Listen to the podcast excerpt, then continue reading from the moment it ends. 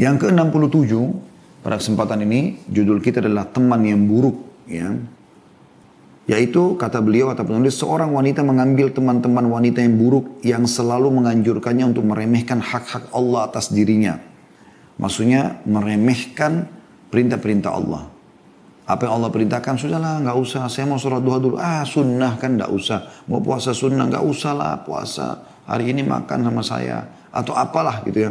Atau misalnya temannya pakai hijab syari yang lebih besar. Oh so alim. Kamu gini jelek loh kelihatan. Apalah segala macam. Nah ini teman-teman buruk ya. Yang meremehkan hak-hak Allah atas dirinya. Sehingga dia pun ikut-ikutan ya melalaikan untuk menjaga harkat dan kemuliaannya. Ya, yang tadinya dia harusnya menjadi seorang wanita muslimah yang terhormat, tidak sembarangan laki-laki yang bukan mahram untuk dia ngomong, apalagi sampai disentuh, apalagi sampai naudzubillah puncaknya berzina. Ya. Nah, itu bisa terjadi dari teman-teman buruk.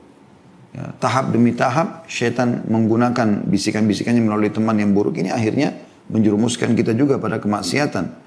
Dikatakan serta menjurumuskannya dalam perkara yang tidak baik akibatnya.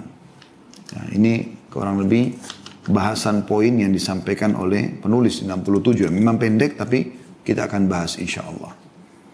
Teman-teman sekalian, kita ini manusia, makhluk sosial. makhluk sosial. Kita tidak hidup sendirian. Dan memang kita tidak bisa hidup sendirian. Kita diciptakan oleh Allah SWT makhluk sosial berinteraksi dengan orang. Ya. Makanya ada yang ini berprofesi sebagai tukang sampah, ada yang tukang sapu, ada yang pembantu rumah tangga, ada yang uh, polisi, ada yang tentara, ada yang uh, penjual di pasar, ada yang pemotong hewan, ada yang pejabat, ada yang pengusaha, macam-macam. Tidak mungkin semuanya ke satu pekerjaan, tidak mungkin. Memang sudah begitu Allah Subhanahu wa taala ciptakan. Bayangkan teman-teman kalau kita semua jadi pengusaha. Lalu siapa yang akan jual barang di pasar kaki lima, ayam potong, jual garam, jual segala macam. Siapa yang akan menjadi pembantu rumah tangga untuk membersihkan rumah, membantu tukang kebun? Apakah kita semua bisa kerjakan itu? Tentu saja tidak, sulit ya. Tapi Allah Subhanahu wa taala memang membuat itu variasi. Ya. Nah, dalam interaksi dengan orang-orang ini, agama Islam membuatkan untuk kita satu pondasi dasar, yaitu hati-hati dalam berteman. Tentu di sini dimaksud adalah berteman adalah teman yang selalu bersama-sama. Kalau kenal orang umum, oh kita tahu ini orang baik, ini orang buruk secara umum. Tapi yang dimaksud adalah teman, menjadi sahabat. Itu tidak boleh karena tadi yang dibahas oleh penulis adalah teman buruk yang akhirnya membuat dia lalai dari hukum Allah Subhanahu wa taala. Dan tolak ukur orang itu baik atau buruk adalah kalau dia mendukung selalu perbuatan baik kita yang Allah menyatakan itu perbuatan baik dan dia justru mengingatkan kita agar jangan sampai melanggar apa yang sudah Allah larang, maka ini berarti orang baik.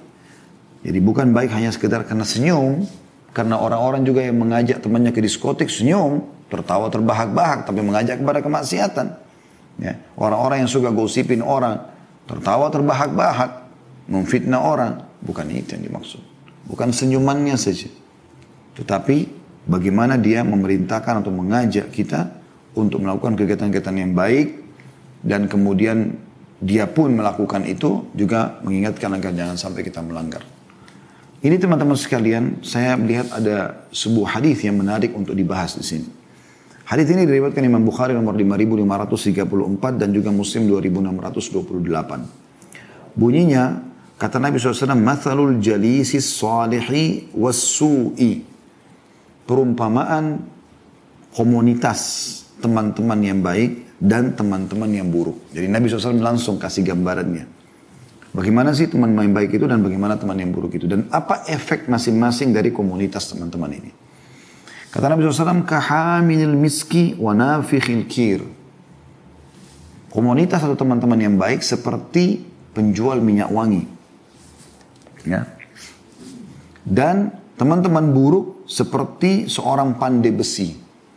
Saya pernah waktu menghadiri penjelasan hadis ini di salah satu dosen kami dulu di Madinah. Beliau menjelaskan kir itu dalam bahasa Arab juga bisa bermakna jadi orang-orang di Badui. Orang-orang Arab asli karena bahasa Arab Al-Quran itu bahasa fusha memang dari bahasa orang-orang Arab asli orang Quraisy. Mereka punya kir. Kir itu seperti uh, payung, mirip seperti bukan payung, dia kayak kipas gitu. Jadi ada dua pegangannya, ujungnya itu ada kayak keluar untuk ngeluarin asap. Biasanya kalau kita di Indonesia kalau mau bakar arang, panasin arang atau besarin apinya arang kan pakai kipas. Ini enggak, dia pakai kir, disilakan tuh kir juga. Jadi dia seperti ini, di ujungnya ada uh, tempat untuk ngisap, ngeluarin angin. Ini ditekan seperti ini ya. Uh, saya tidak bisa menampilkan gambarnya sekarang, mohon maaf. Uh, karena belum saya persiapkan, saya baru tiba-tiba teringat tadi. Tapi beliau pernah salah satu dosen kami menjelaskan masalah itu. Nah itu biasanya kalau dia untuk memanaskan arang, dia pakai itu supaya anginnya kencang, meniup ke arang itu nanti apinya jadi besar ya. Dan biasa ada letupan-letupan ya. Ada asapnya juga yang bisa kena atau keluar. Nah itu juga bisa bermakna. Tapi di sini kalau kita terjemahkan dengan pandai besi juga sudah bagus. Ya. Orang-orang yang uh, lagi membuat besi, membuat apa itu kan biasa ada serpian-serpian api, ada bau yang kurang sedap ya. Nah seperti itu. Jadi perumpamannya langsung Nabi berikan gambaran. Komunitas teman-teman yang baik seperti penjual minyak wangi. Komunitas yang buruk seperti pandai besi. Lalu Nabi SAW jelaskan. Fahamilul miski imma an yuhdhik Pemikul atau penjual minyak wangi bisa saja dia memberikan kepadamu minyak wangi itu. Itu minimal tester. Atau teman-teman pernah lewat di toko minyak wangi, ya. Biasanya kalau kita lewat wangi kan, oh kita tahu ini toko minyak wangi. Penjual minyak wangi itu bisa kita cium bau wangi atau dia memberikan kepada kita minyak wangi itu. Apakah tester atau dia memberikan hadiah? Wa imma an tabta'a minhu atau kau akan beli minyak wangi itu dari darinya. Dan minyak wangi tidak ada orang yang tidak ada tidak akan dinamakan minyak wangi kalau dia busuk kan kan. Minyak wangi cairan yang penuh dengan wangi. Kita bisa dikasih, kita bisa tester wangi atau minimal kita lewat kita coba wangi. Kalau kita beli kita bawa pulang juga kita bisa pakai wangi itu. Itu perumpamaan ya teman-teman yang baik. Mereka seperti penjual minyak wangi. Kalau kita datang kepada mereka, kita bisa dapat bau wangi. Kalau kita bawa juga apa yang sudah kita ambil dari mereka, dari pesan-pesan, nasihat-nasihat, wasiat-wasiat, kita bawa pulang, juga kita di rumah akan wangi. Lalu kata Nabi SAW, Wa imma antajida minhu rihan tayyiba. Atau kau bisa dapat dari dia minimal sekali bau wangi kau akan dapatkan. Wa nafikhul kir, wa nafikhul kir, imma an yuhrika thiyabak. Sementara pandai besi bisa saja membakar bajumu. Wa imma antajida rihan khabitha atau engkau akan mendapatkan bau busuk dari situ. Ya. Jadi kalau kau sedang kumpul sama teman-teman buruk, maka dipastikan dia seperti atau dia bisa membakar kamu, membawa kau ke dalam api neraka. Dia cerita tentang indahnya perzinahan dia, perselingkuhan dia, penipuan dia, ya. Bagaimana dia uh, mengalahkan seseorang di pengadilan dengan saksi palsu, dengan kedustaan, segala macam hal. Anda mendengar. Jangan lupa ya, penglihatan, pendengaran, ya, lisan ini connect sama hati. Ini rajanya tuh. Jangan bilang, oh saya nggak dengar, saya nggak terpengaruh. Bohong. Gimana cara Anda tidak terpengaruh? Apa pun yang kita dengar, suara yang merdu berpengaruh pada hati kita. Suara yang bising berpengaruh pada jiwa kita dan hati kita. Gak ada ceritanya. Apa yang Anda nonton berpengaruh pada Anda. Jangan bilang, oh saya nggak berpengaruh. Gak mungkin. Baik atau buruk. Anda nonton yang baik, Anda akan terpengaruh. Anda nonton yang buruk, Anda akan terpengaruh. Anda nonton cuplikan ceramah tentang surga, tentang neraka, Anda bertambah keimanan, semangat untuk ibadah. Anda nonton film-film ya, porno atau apa saja, Anda akan terpengaruh.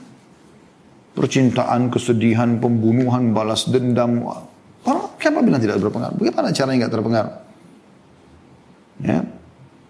Apa yang anda ucapkan atau orang lain ucapkan juga sama. Berpengaruh. Menunjukkan tentang kepribadian orang itu.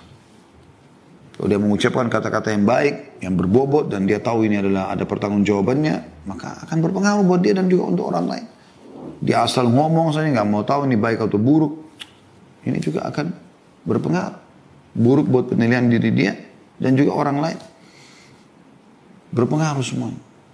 maka harus hati-hati. Nggak bisa sembarangan. Nah, teman-teman buruk ini, kata Nabi SAW, bisa membakar kan? Membakar bajumu. Artinya membawa kau dalam api neraka, kau bisa terjerumus. Ada orang banyak belum tahu zina, jadi tahu berzina gara-gara perkataan teman-temannya. Tidak tahu gosip, tidak tahu selingkuh, tidak tahu ini, jadi tahu semuanya. Dan ada orang tidak tahu ibadah, tapi dengan majlis yang baik, komunitas yang baik, mereka jadi rajin sholat, mereka jadi tutup aurat, mereka jadi puasa, mereka jadi baik. Kita ini sensitif sekali teman-teman manusia. Bukankah kita bisa membedakan teman-teman dalam waktu seketika karena sensitifnya kita ya. Ini rasa yang manis, ini rasa yang asam, yang pedas seketika dengan ujung lidah kita saja. Bukankah kita bisa membedakan seketika ini bau wangi, ini bau busuk dengan hidung kita. Bukankah seketika kita bisa bedakan ini intonasi suara yang keras dan ini yang kecil. Bukankah seketika mata kita bisa membedakan ini terang atau ini gelap. Bukankah seketika tangan kita pada saat menjamah sesuatu kita langsung bisa teman-teman sekalian merasakan oh ini keras, oh ini lembut, ya, ini panas, ini dingin. Bukankah seketika kita bisa tahu oh ini dingin, oh ini panas.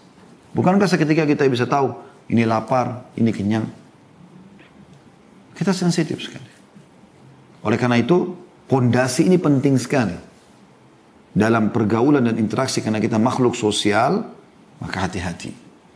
Nabi SAW sudah kasih kata kunci itu. Imam Muslim rahimahullah mencantumkan hadis dalam bab anjuran untuk berteman dengan orang saleh dan menjauhi teman yang buruk. Ya. Imam Nawawi rahimahullah menjelaskan bahwa dalam hadis ini terdapat permisalan teman yang saleh dengan seorang penjual minyak wangi dan teman yang jelek dengan seorang pandai besi.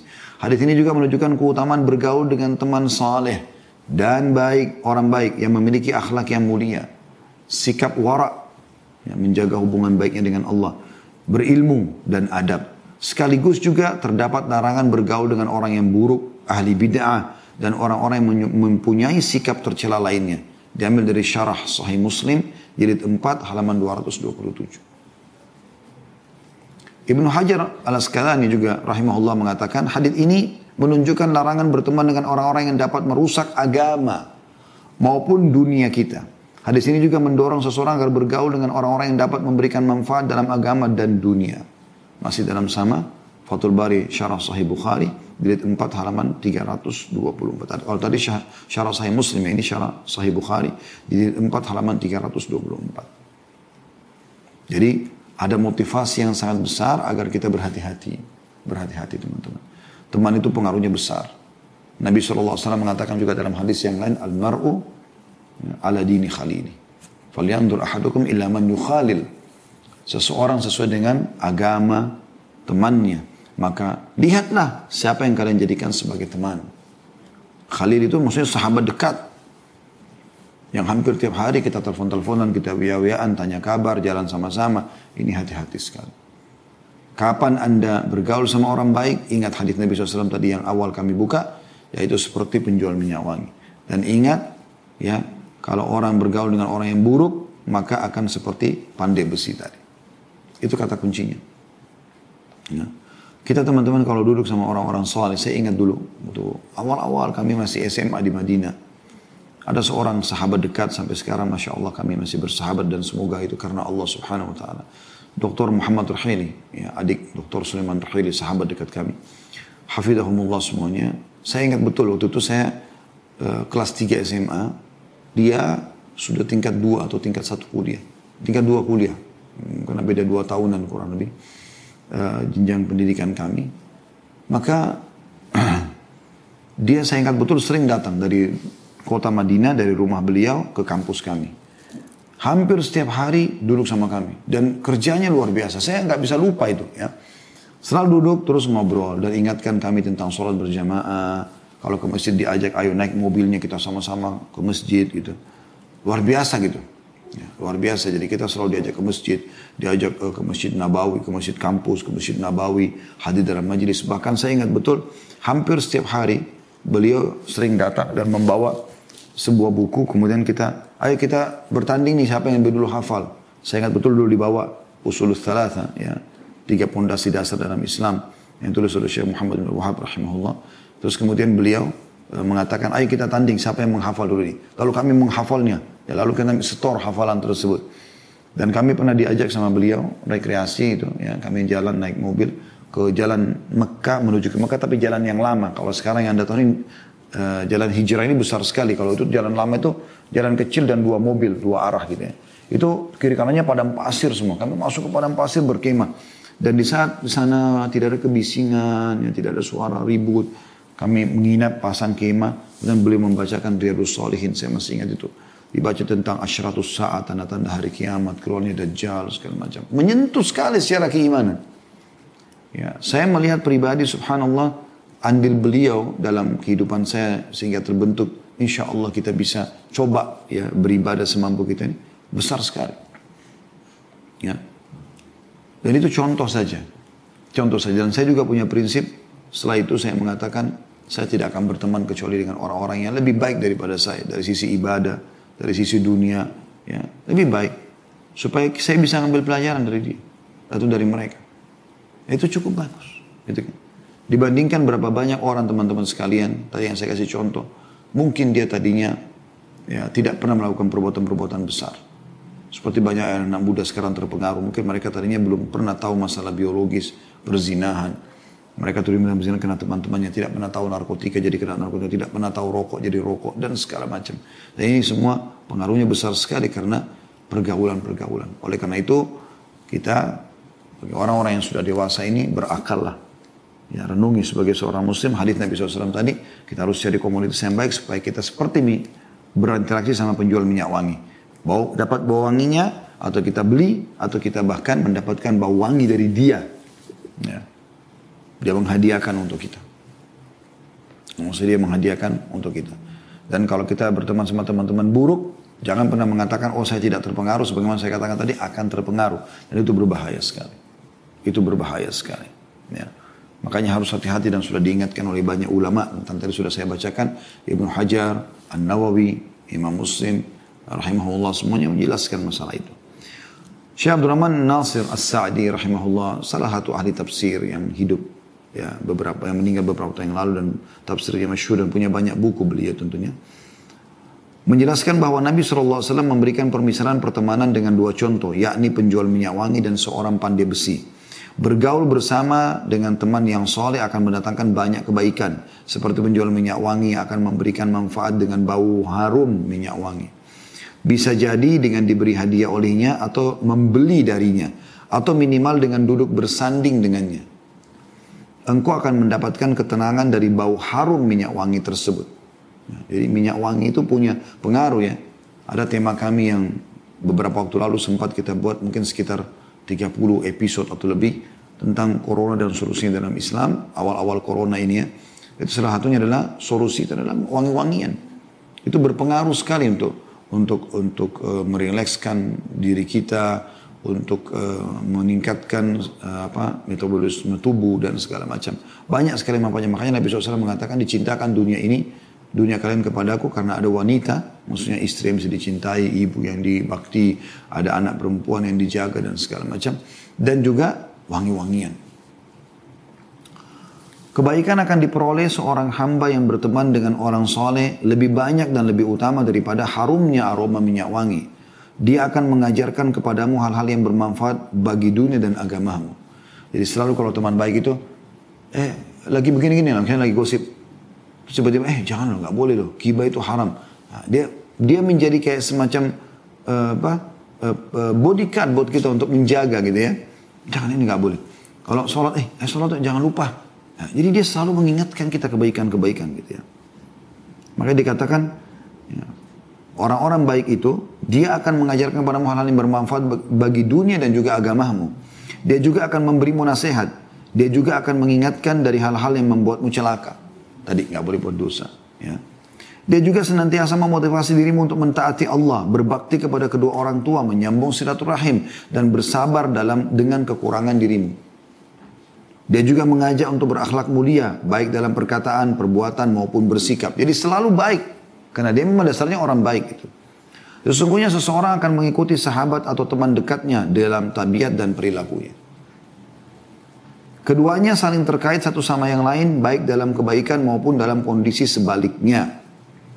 Jika kita tidak mendapatkan kebaikan-kebaikan di atas masih ada manfaat lain yang penting jika berteman dengan orang-orang soleh minimal diri kita akan tercegah dari perbuatan-perbuatan buruk dan maksiat. Misalnya kita mau buat dosa tapi karena kita jalan sama orang soleh kita jadi tidak enak. Itu minimal kata beliau.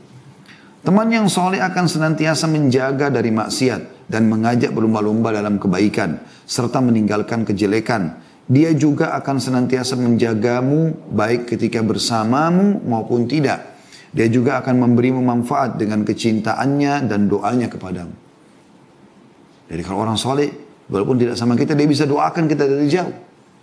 Karena dia tahu dengan mendoakan seseorang muslim akan diijabah. Dan juga ada sabda Nabi SAW, siapa yang mendoakan saudaranya muslim, maka malaikat atas kepalanya akan mengatakan, Walaka mithruhu, walaka mithruhu, kau akan dapat yang sama, kau akan dapat yang sama. Itu luar biasa. Bersamanya kita dapat manfaat selalu terkontrol, jauh pun dia bisa mendoakan kita. Baik ketika engkau masih hidup maupun engkau sudah tiada.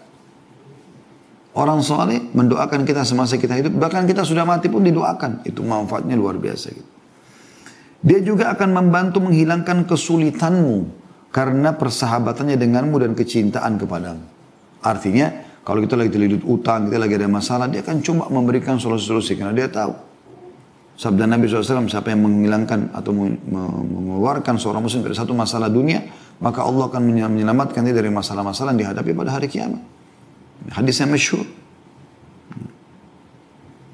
Ini diambil dari buku Bahjatul Qulubul Abrar di halaman 148. Sementara kalau berteman sama teman-teman buruk ya, Syekh Sa'di berkata bahwa berteman dengan teman-teman buruk memberikan dampak yang sebaliknya. Orang yang bersifat jelek dapat mendatangkan bahaya bagi orang yang berteman dengannya.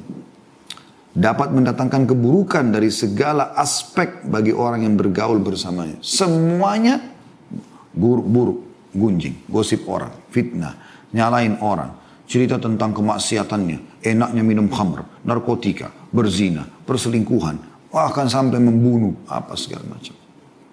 Ya. Sungguh betapa banyak kaum yang hancur kata beliau karena sebab keburukan-keburukan mereka dan betapa banyak orang yang mengikuti sahabat-sahabat menuju sahabat-sahabat mereka menuju kehancuran baik mereka sadari maupun tidak. Oleh karena itu sungguh merupakan nikmat Allah yang paling besar bagi seseorang hamba yang beriman yaitu Allah memberinya taufik berupa teman yang baik. Sebaliknya hukuman bagi seorang hamba dari Allah ya, adalah mengujinya dengan teman yang buruk. Masih dari buku yang sama tadi, Bahjatul Qulubul Abrar di halaman 185. Dan ini teman-teman luar biasa gitu. Ya. Bagaimana beliau merincikan hal yang sangat luar biasa. Ya. Oleh karena itu teman-teman kita bisa melihat orang ini baik atau tidak. Kata, kata sebagian ulama, itu dengan melihat siapa teman-temannya. Kalau teman-temannya orang baik, berarti kita bisa nilai orang ini baik. Teman-temannya orang buruk, kita bisa nilai orang ini buruk. Itu kan tadi diambil dari sabda Nabi SAW yang masyhur dalam hadis yang sahih riwayatkan Abu Daud dan Tirmidzi dan sahihkan oleh Syekh Albani. Almaru ala dini khalili falyanzur ahadukum man yukhalil. Agama seseorang sesuai dengan teman-teman dekatnya atau teman dekatnya. Hendaklah kalian melihat siapakah yang menjadi teman dekatnya. Ya. Jadi ini jelas sekali bagaimana Nabi SAW memberikan itu. Jadi walaupun dia baik depan mata kita, tapi kalau dia komunitasnya buruk, buruk berarti. Berarti dia cuma berkedok depan kita, tapi kalau memang dia orang baik, pasti juga orang sekitarnya orang baik semua, karena dia tidak mungkin mau merusak agamanya. Ingat teman-teman sekalian, penyesalan berteman sama orang buruk ini bukan cuma di dunia, tapi di akhirat juga akan seperti itu. Penyesalan luar biasa. Renungi baik-baik firman Allah Subhanahu wa taala dalam surah Al-Furqan ayat 27 sampai 29. Yang bunyinya a'udzubillahi minasyaitonir rajim wa yauma ya'addu adh-dhalimu 'ala yadayhi yaqulu ya laitani ittakhadtu ma'ar rasuli sabila ya wailata laitani lam attakhid fulanan khalila Laqad adallani an dzikri ba'da idja'ani wa kana syaitanu lil insani khazula. Artinya, ingatlah ketika orang-orang zalim menggigit kedua tangan mereka seraya berkata. Tentu ayat ini turun kepada uh, beberapa tokoh-tokoh Quraisy atau orang tokoh Quraisy yang memang lebih memilih berteman sama teman-teman yang kafir daripada Nabi Shallallahu Alaihi Wasallam. Ya. Mereka akan gigit jari mereka di hari kiamat. Lalu berkata, ini bentuk penyesalan ya. Biasa orang kalau menyesalkan gitu ya. Aduhai kiranya aku dulu mengambil jalan bersama Rasul. Coba waktu di dunia dulu aku ikuti Rasulullah SAW. Nyesal-nyesal dia. Kecelakaan besar bagiku kiranya dulu aku tidak mengambil fulan sebagai teman akrabku. Orang-orang yang mengajak pada maksiat. Sesungguhnya dia telah menyesatkan aku dari Al-Quran. Sesudah Al-Quran itu datang kepadaku dan syaitan itu tidak mau menolong manusia. Jadi kita lihat bagaimana teman-teman sekalian ya patokannya atau penyesalannya orang yang menjadi teman memiliki teman buruk di dunia dan di akhirat. Demi Allah teman-teman, banyak sekali rumah tangga rusak karena teman yang buruk. Ya. Setiap ada masalah sama suami atau masalah sama istri, ceritanya sama teman yang buruk. Teman yang diajak ngomong gagal rumah tangga, dia mau konsentrasi dengan masalah rumah tangga. Bagaimana bisa? Teman yang maling, mencuri, atau sering riba, menipu, pembohong, diajak konsultasi tentang masalah perkembangan bisnis. Bagaimana caranya? Ya kan? Teman-teman yang kasar sama anak-anak diajak bicara tentang masalah pendidikan anak. Gimana caranya? Apa yang akan diajarkan kepada Anda? Tentu apa yang sudah dia raih dari keburukan-keburukan itu. Ini keliru. Nggak boleh. Saya berapa kali subhanallah dikonsultasi oleh banyak jemaah, banyak konsultasi yang masuk kepada kami. Subhanallah permasalahannya adalah orang ketiga. Teman. Baik teman dari si suami atau teman dari si istri. Anak juga nusa, temannya. Ujung temannya, teman, teman, teman. Ini jadi masalah teman. Oleh karena itu teman-teman sudah saatnya sekarang. Anda hijrah menjadi orang baik. Mumpung masih ada umur. Supaya jangan menyesal. Hijrah sekaligus. 100%. Di antaranya memang hijrah penampilan, pendapatan, pergaulan pergaulan. Udah nggak ada lagi. Kalau Anda sekarang masih punya grup-grup, di saat Anda ikuti pengajian kami ini, ada grup-grup di WA, isinya kirim foto-foto perempuan terbuka atau laki-laki kalau Anda mungkin akhwat, ya, atau berbicara dalamnya gosipin orang, ah ini segala macam, keluar. Bahkan urusan yang mungkin ada masih masih ada baiknya pun kalau anda tidak tahu bukan bidangnya tidak usah ada di situ seperti misalnya masalah politik ya ini sering saya ingatkan terutama ibu-ibu. Apa gunanya mau ribut dengan masalah politik? Sibuk dengan masalah politik. Udah masa urus anak, urus suami mati masuk surga. Ngapain urus negara? Gitu loh. Tapi subhanallah masih saja. Kadang-kadang. Pilkada, pilpres, sibuk. Lagi goreng tempe, goreng ayam, goreng ini, ribut. Telepon dijepit, ngomong masalah ini, ngomong masalah itu. Ini bisa hangus masakannya. Lebih baik urus masakan selesai. Untungnya apa? Bahkan kadang-kadang ribut sama suami. Yang satu 01, yang satu 02, yang satu 09, yang satu 010, yang satu 10. Apa ini gitu loh. Manfaatnya apa? Tanya teman-teman, manfaatnya apa buat saya?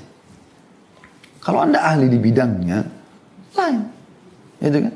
Karena Nabi SAW sudah mengatakan, kalau perkara dikembalikan bukan pada ahlinya, tunggulah kehancuran. Dah, selesai. Sibuk dengan alam kita. Umur kita terbatas teman-teman sekalian. Semua ada pertanggungjawabannya. Hati-hati, hati-hati. Baik. Ibnu Qudamah rahimahullah al-Maqdisi memberikan sebuah saran agar memilih teman-teman yang seperti ini. Beliau mengatakan, wa fi jumlah secara umum fayam bagi an yakuna fi man tu'thiru suhbatuhu khamsu khisan Orang yang menjadi sahabat harusnya memiliki yang kau jadikan, yang kau kejar jadi sahabatmu punya lima sifat. Yang pertama, yakuna akilan. Harusnya dia orang yang berakal, cerdas, dewasa. Bukan orang yang gila, yang cuek.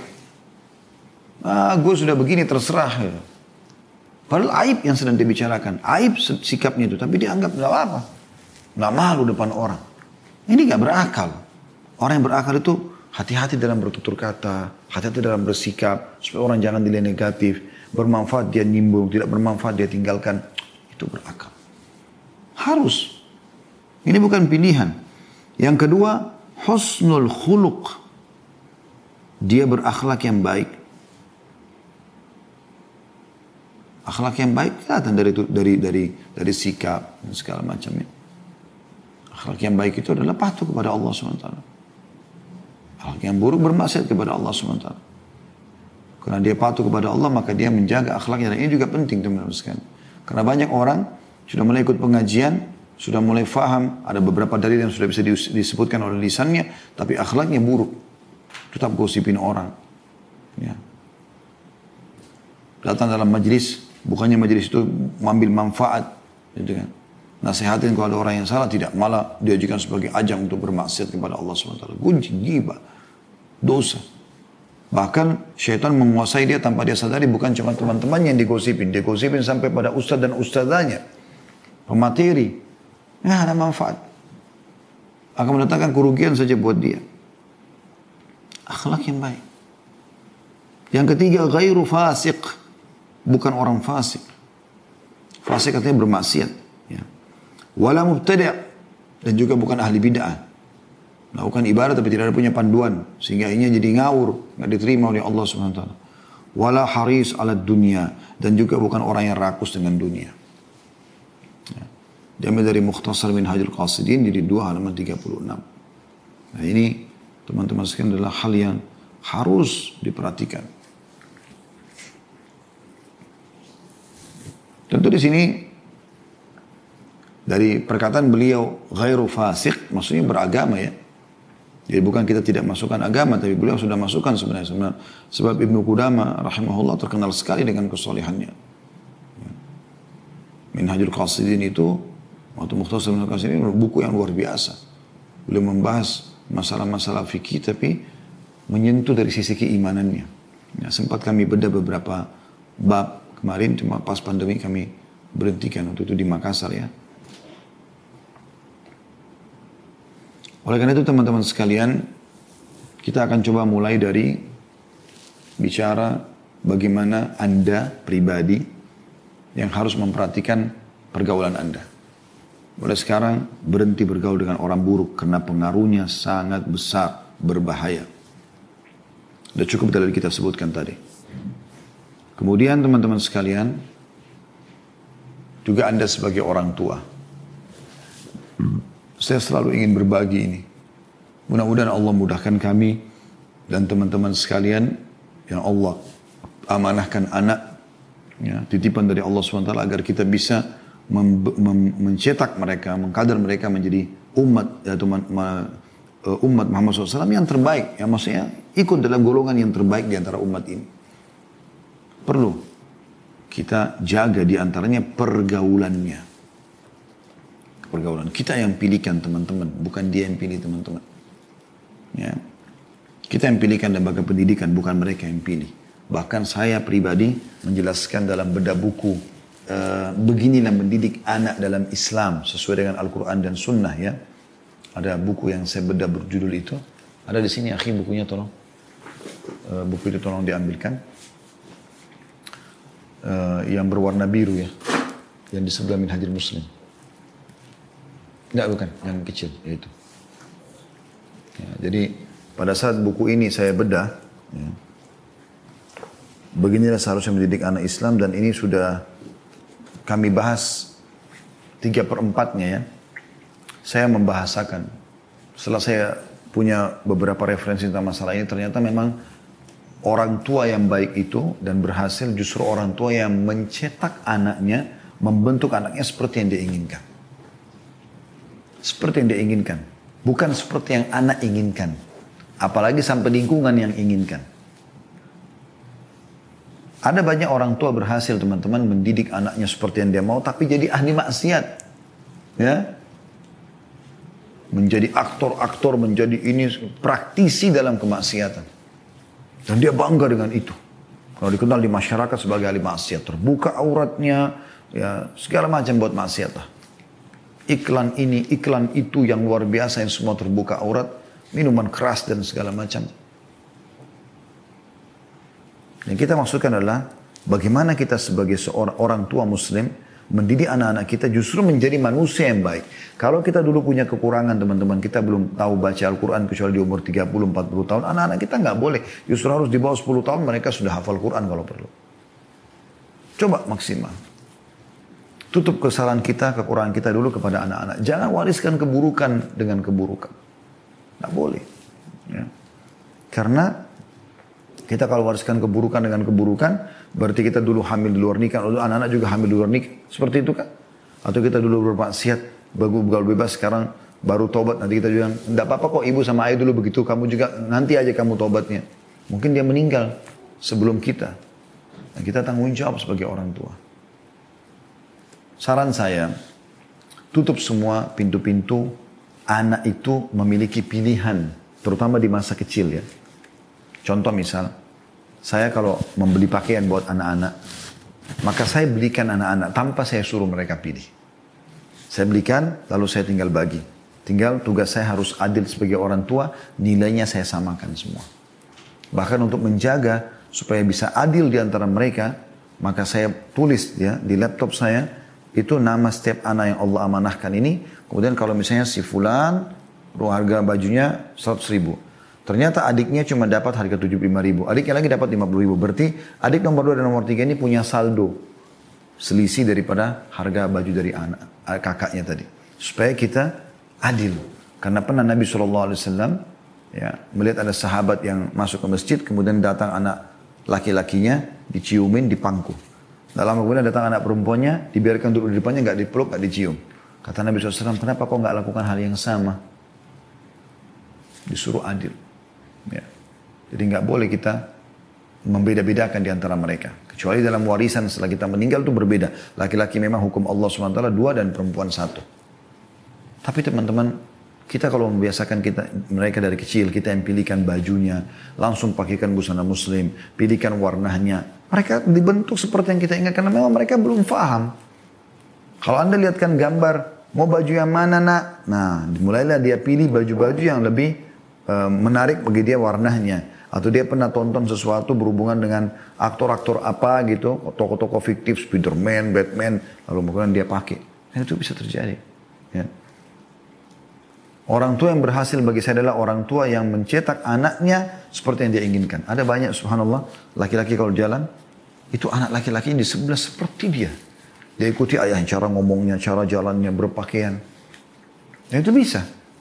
Saya lihat anak laki-laki saya yang terbesar ya, sekarang umurnya sekitar 8 tahun. Ya, semoga Allah jaga dari atas ketaatan. Saya namakan Uwais. Dia kalau saya melakukan satu perbuatan, jalan misalnya, contohin sama dia. Kalau saya ngomong, kadang-kadang istri saya cerita, kalau saya lagi keluar, ini anak-anak ikutin begini, cara ngomong begini. Saya pernah live di rumah, di atas meja kerja saya di kamar, maka saya pergi pun mereka lakukan hal yang sama. Nggak masalah, mereka ceplak kita. Itu bagus. Daripada dia harus terbentuk oleh lingkungan. Itu penting sekali. Sama dengan makanan. Saya sering nasihatin itu ibu-ibu. Siapkan makanan yang ibu mudah bagi ibu. Kecuali suami. Itu beda. Ibu tanya suami. Mau makan apa besok. Misalnya itu, itu hak bagus. Memberikan yang terbaik pelayanan pada suami karena Allah SWT. Tapi anak-anak nggak perlu. Siapin makan selesai. Jangan bilang, nak pengen makan apa. Nggak usah. Bahasa ini bagi anda mungkin niatnya baik sebagai ibu. Tapi perhatikan ya, bisa membuka pintu durhaka. Misal dia mengatakan, saya pengen ayam goreng ibu. Terus kemudian, ibu bilang, baiklah besok ibu masak ya. Besok ibu subhanallah, Allah ibu lupa. Lalu ibu ajak ayam makan semua. Begitu buka tujuh sajinya, ternyata nggak ada ayam. Dia akan tanya kan, ibu mana ayam saya? Ibu mengatakan, oh maaf nak ibu lupa. Apa yang dia bilang? Ah ibu ini. Kalimat ah itu kan membuka pintu durhaka. Ya. Nah ini yang ibu bisa atau ayah berikan baju ini. Ah ayah ibu kan saya minta baju itu kemarin. Nah karena anda sudah membuka pintu-pintu itu. Nah kita bentuk. Nah termasuk masalah pergaulannya. Lembaga pendidikan. Masuk akal nggak teman-teman sekalian? Seorang suami umur 35 tahun, istrinya 30 tahun, membawa anaknya yang masih umur 6 atau 7 tahun masuk SD ke sebuah lembaga pendidikan lalu dia mengatakan ini ayah sama ibu rencana sekolahkan kau di sini nak suka nggak untuk apa ditanya dia suka atau tidak? Atau kita kasih pilihan dua sekolah, ini temboknya warna biru, ini temboknya warna hijau. Kita orang dewasa lebih tahu kurikulum, lebih tahu biaya, lebih tahu jarak. Anak ini nggak ngerti. Tapi karena dia lebih suka warna biru, yang biru aja ayah, ibu saya suka. Padahal dia cuma sekedar warna. Dia nggak dia nggak ngerti, ngerti kurikulumnya, nggak ngerti biaya, nggak ngerti jaraknya. Kita yang bentuk dia supaya dia menjadi patuh, iya mengerjakan apa yang kita inginkan. Dari kecil kalau kita biasakan teman-teman, insya Allah ya mereka-mereka orang-orang seperti ini, anak-anak seperti ini, sampai besar nanti, Walaupun mereka sudah berumah tangga, sering telepon ayah, ibu bagaimana sarannya, bagaimana masukannya. Karena memang mereka merasa ini sumber dia dan memang itu tugas kita sebagai orang tua. Pergaulan hati-hati. Ya, jaga baik-baik karena itu sangat berbahaya. Itu ya baik buat diri kita ataupun buat keturunan kita. Begitu juga dengan pasangan hati-hati. Anda sebagai suami bertanggung jawab terhadap istri, maka hati-hati sekali. Ya, anda harus betul-betul bagaimana uh, menjaga pergaulan istri karena Anda bertanggung jawab. Ya. Maka ini semua insya Allah harus dijaga Allah alam. Baik teman-teman sekalian, kita sampai sini bahas.